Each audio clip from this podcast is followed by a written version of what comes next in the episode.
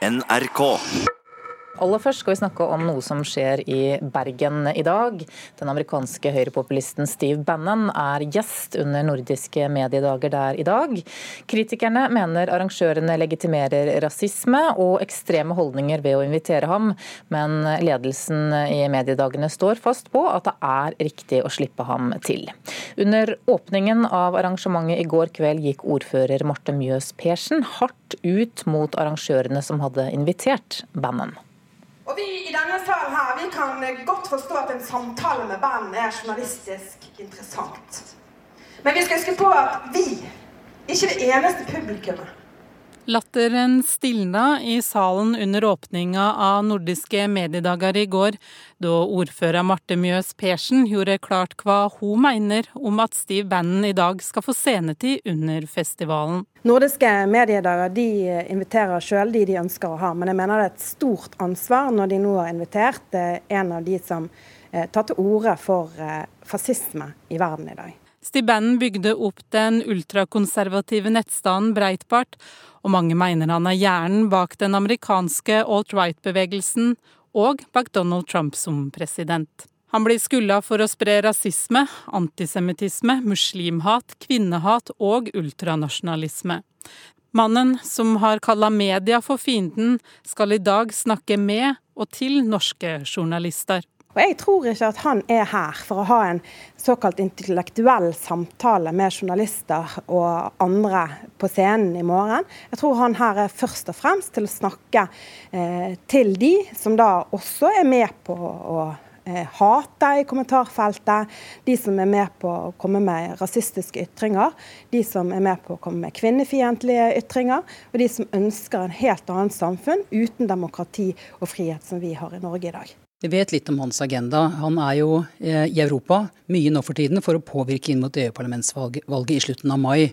Det sier Guri Hefty, sjefen i Nordiske mediedager, som altså likevel har invitert Bannon. Når det er sånn at han representerer da høyrepopulismens fremvekst til de grader, så, så virker det som motpartens eh, strategi og måte å møte dette på er å stikke hodet godt ned i sanden og late som dette fenomenet ikke finnes. Det tror vi er en dårlig strategi. Vi tror det er bedre å forsøke å forstå hva det handler om, for derfor å kunne bemøte det. Reporter her, det var Bergit eh, Sønstebø Svenseid. Kulturkommentator her i NRK, Agnes Moxnes. Hva er det ved Steve Bannon som provoserer eh, slik? Representerer vel på sett og vis det motsatte av alt det vi forbinder med et sant eh, demokrati. Han eh, er en medierådgiver med egen. Eh, agenda. Han og Donald Trump var som hånd og hanske, må man vel si. Og han ga jo Donald Trump en, en slags ideologi som ble for belastende for presidenten etter hvert. Og, og nå reises de bandene rundt omkring i Europa og prøver å forene de eh, høyrepopulistiske og nasjonalistiske partiene i Europa, i den bevegelsen han kaller the movement. Eh, og første målet hans er jo å prøve å svekke EU gjennom EUs parlamentsvalg nå i mai. Mm. Tidligere USA-korrespondent eh, Tove Bjørgaas, hva slags posisjon har da Steve Bannon i dag? I USA så er posisjonen hans i dag eh, svekket, eh, vil jeg si. Han jobbet jo som sjefsrådgiver for Donald Trump, men måtte ut av Det hvite hus. Eh, så jobbet han for dette Breitbart News, der han kom fra. Etter denne boka som kom, 'Ild og vrede' om Trump, så, så, så, fikk han også en god del kritikk. Men det Steve Bannon lyktes med, er på en måte å skape en del av det kaoset vi ser i USA i dag. Det han ønsker, er å bryte ned sant, etablerte partier og etablerte forhold mellom partier og medier og sånn. Men jeg tror han kommer til Bergen nå som en litt svekket mann, som heller ikke forstås veldig godt i Europa. Og det at han også eh, i går tilbød bl.a. NRK et langt eh, intervju i dag, og også TV 2, det, det er ikke, jeg har sjelden opplevd at man blir tilbudt eh, et langt intervju med en en slik person.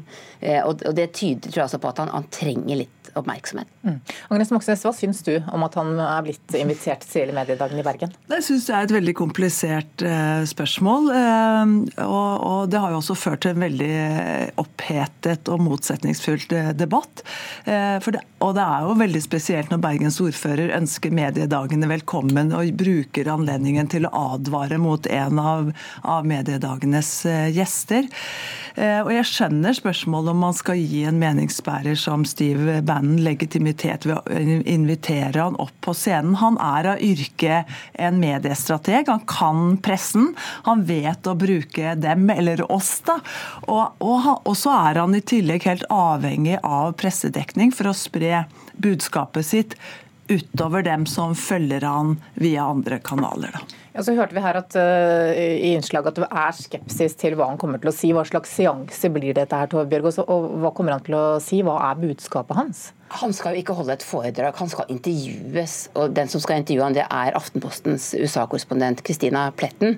Eh, og jeg går ut fra at hun kommer til både å spørre ham om hans rolle forut for valget i USA, men også hva det er han holder på med i Europa nå. Og det, og det blir jo da en styrt eh, samtale. Så, så, så, som sagt, ikke et, et foredrag. Men jeg tror eh, ja, Spørsmålet er vel mer hva, uh, hva, hvilken posisjon har han egentlig fått i, i Europa. Og som sagt, Nå kommer både EU-valget og det danske valget om, om, få uker.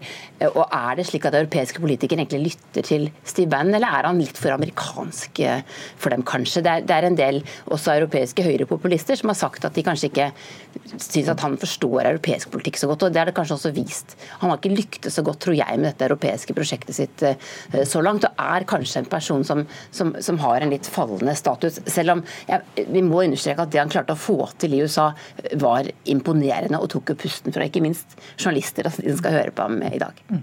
Men En ting er at han øh, skal bli intervjuet og, og få si noe av det han mener, men hva er verdien av å ha ham på nordiske mediedager? Ja, Det er jo et spørsmål man antakeligvis ikke får svaret på før han, før han, har vært her. Eh, nå får mediedagene veldig mye oppmerksomhet nettopp pga. denne invitasjonen, men vi må jo regne med at eh, meningen med det er noe, altså noe mer enn akkurat den oppmerksomheten. Takk skal dere ha, Agnes Moxnes og Tove Bjørgaas.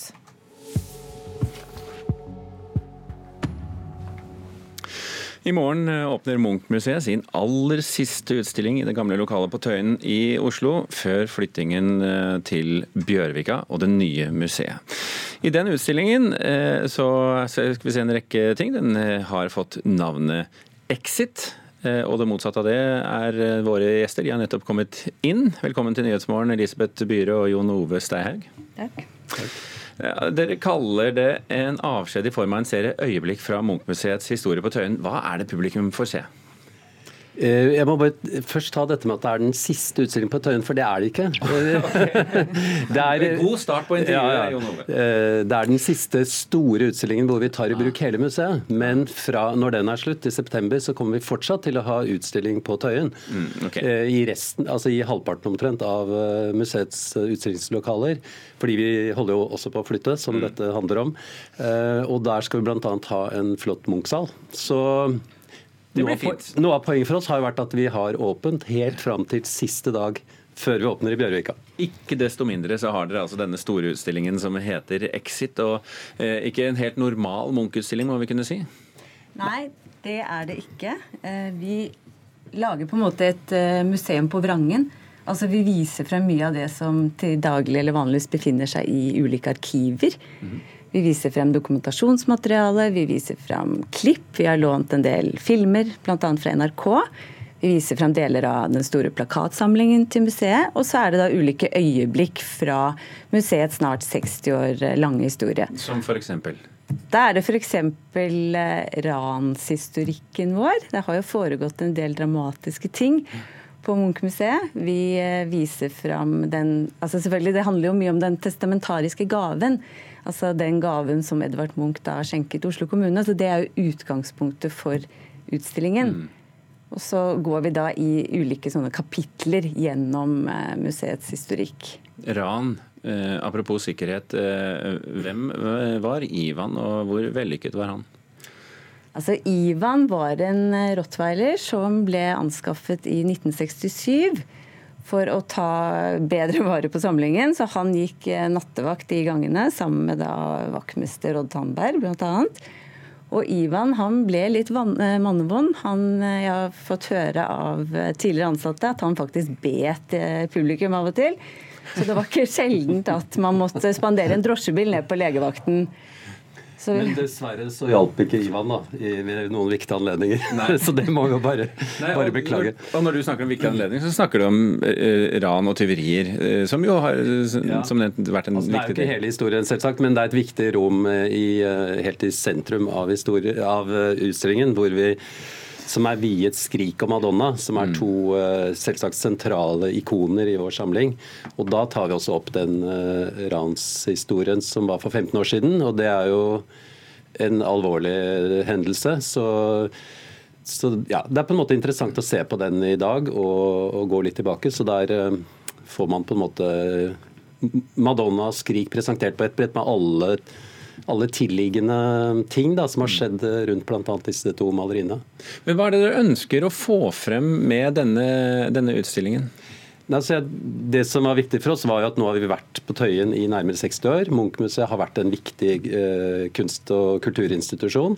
Det er mange historier, mange spennende ting å se og gå litt tilbake til. Og det er jo veldig, Særlig når man da flytter til et helt nytt bygg og på en måte forlater litt den, det stedet og den historien man har vært en del av, da, så er det jo eh, både interessant og, og gøy og, og, og viktig å, se litt på hva, hva har dette vært. Så Det er ikke sånn en heldekkende historie om Munchmuseet, men det er noen eh, dypdykk og noen glimt og noen eh, viktige ting da, som vi, vi, berører. Men la meg være litt frekk her. Hvem er den mest interessant for publikum eller dere som jobber der? Eh, jeg, tror, altså jeg jobber jo ikke der, egentlig. Altså jeg, er, jeg er ekstern, eh, kurator. Så eh, dette er jo et samarbeid både mellom mange av museets eh, veldig, veldig dyktige faglige medarbeidere, og så har vi fått med oss eksterne eh, fagpersoner og også samtidskunstnere til å kommentere på og gjøre da research på ulike deler av Munch-museets historie. Mm. Og hva skal samtidskunstnerne bidra med? De skal bidra med å åpne opp refleksjonsrom rundt hva det vil si å forvalte en samling, hva det vil si å forlate et sted. Eh, vi lager bl.a. en film. altså Birgitte Sigmundstad har fått i oppdrag billedkunstner Birgitte Sigmundstad, fått i oppdrag å lage en film om det museale arbeidet som er på en måte ganske skjult for publikum. altså Den langsomme delen av det å drive et museum. Altså forskningen og bevaringen, kategoriseringen det som eh, man til daglig ikke ser, men det som selvfølgelig er det man nyter godt av når man går på et museum som Munch-museet. Bare én ting kanskje nevne, Det er at eh, det er jo på en måte litt en tidsreise også. Fordi vi har tatt utgangspunkt i det som var åpningsutstillingen i 1963. Så vi mhm. har en del verk fra, fra akkurat den utstillingen, men også hvordan museet så ut i 1963. Så vi har gått vi har fått opp noen uh, furupanelvegger og uh, strietapet osv. som var der opprinnelig. Så det, jeg tror det er en ganske morsom tidsreise for mange. Mm. Har det vært morsomt å jobbe med? Det har vært veldig spennende. Uh, og dette er jo én versjon. Man kunne laget mange ulike versjoner, vil jeg si. For dette er så mye materiale å ta tak i. Og alt skal straks flyttes over til eh, Lambda i Bjørvika, men eh, altså en del aktivitet på Munchmuseet for den tid. Ikke minst utstillingen Exit.